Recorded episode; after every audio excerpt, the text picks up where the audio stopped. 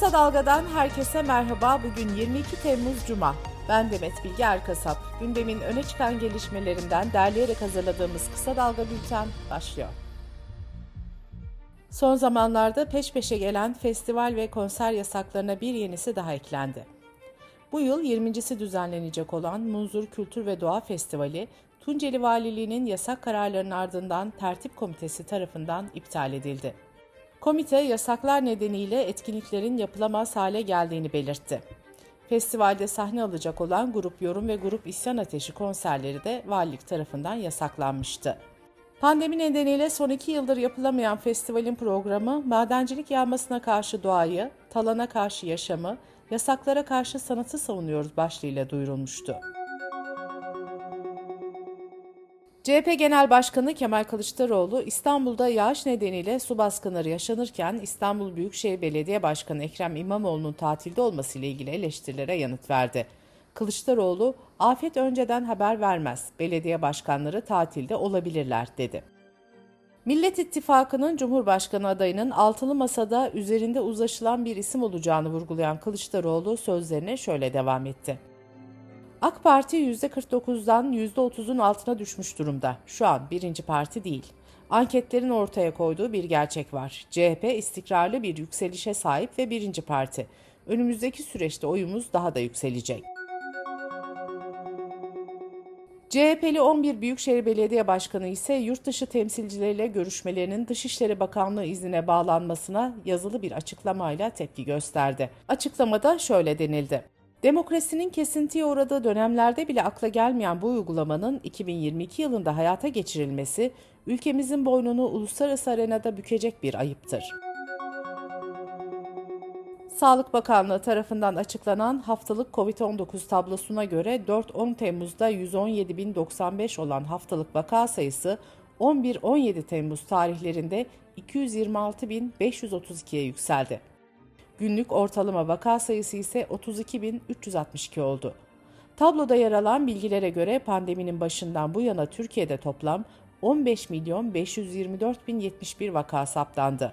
Toplam vefat sayısı ise 99.184 oldu.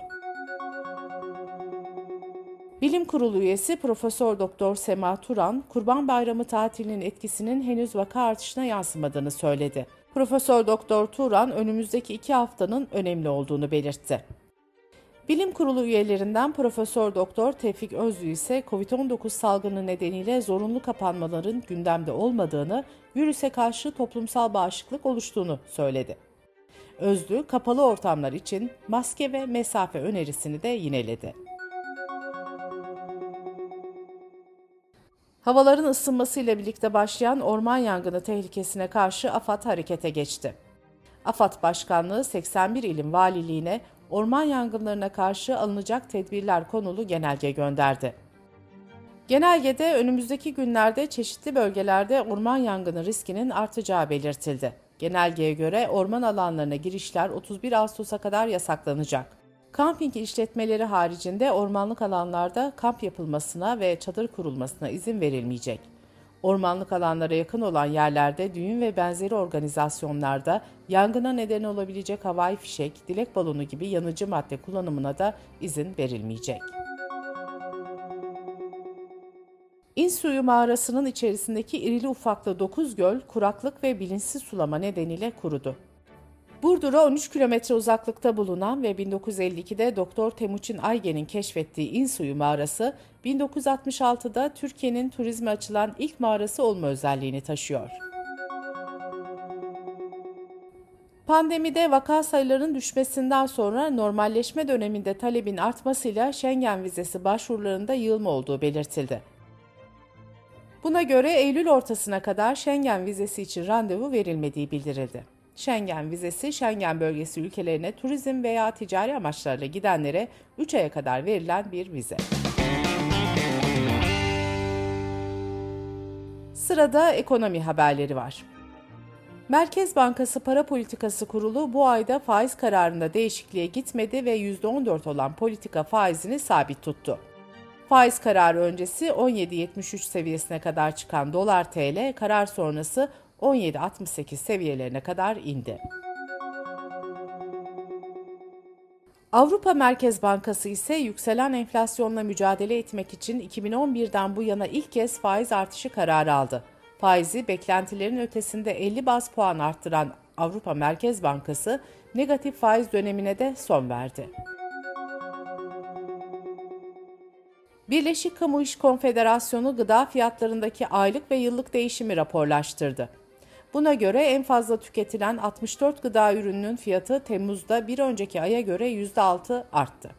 Gıdada yıllık fiyat artışı ise %175.9'a yükseldi. Yılın ilk 7 aylık dönemindeki toplam artış ise %83.3 olarak kaydedildi. Hazine ve Maliye Bakanı Nurettin Nebati Başkanlığında 5. kez toplanan Fiyat İstikrarı Komitesi'nden enerji tüketimi tasarrufu kararı çıktı.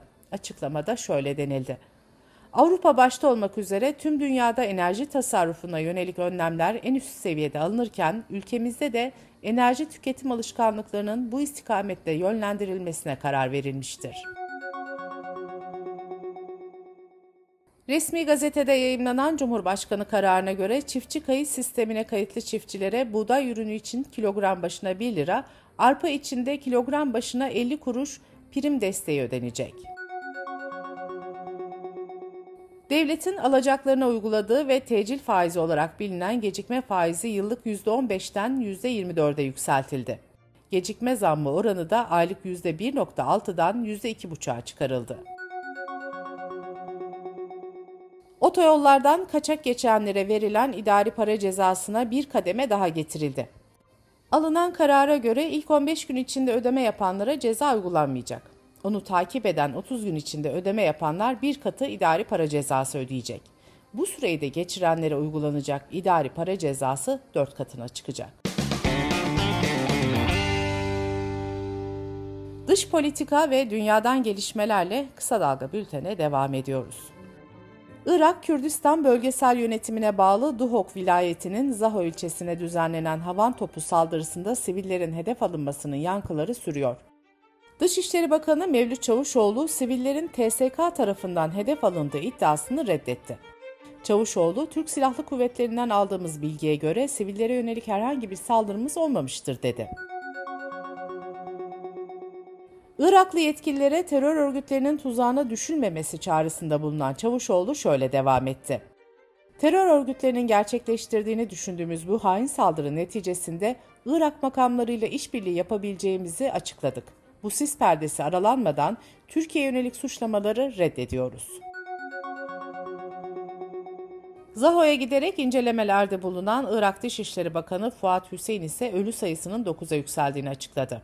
Hüseyin, Türkiye Irak'taki askeri operasyonlarını durdurmalı, Irak halkından özür dilemeli dedi. Bu arada Irak'ta bir gün yas ilan edildi.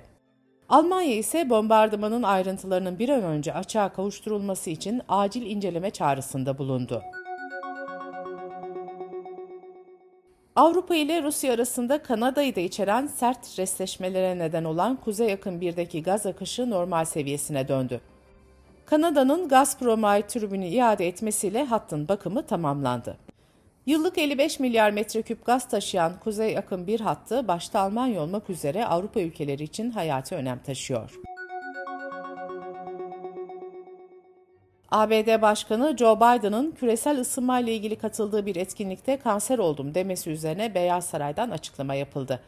Açıklamada Biden'ın göreve başlamadan önce cilt kanseri olmasına atıfta bulunduğu belirtildi.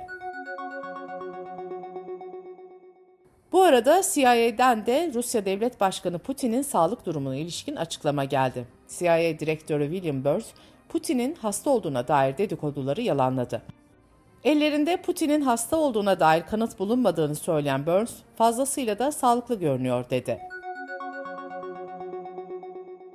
İspanya Senatosu cinsel ilişkilerde rızanın açıkça ifade edilmesini şart koşan yasa tasarısını onayladı. Tasarıya göre rızaya dayalı cinsel ilişki için artık sessiz kalmak yerine partnerlerin onay vermesi gerekecek. Tasarı rızaya dayalı olmayan cinsel ilişkinin de saldırganlık olarak değerlendirilmesi ve kişinin 15 yıla kadar hapis cezasına çarptırılmasına da imkan veriyor. Bültenimizi kısa dalgadan bir öneriyle bitiriyoruz.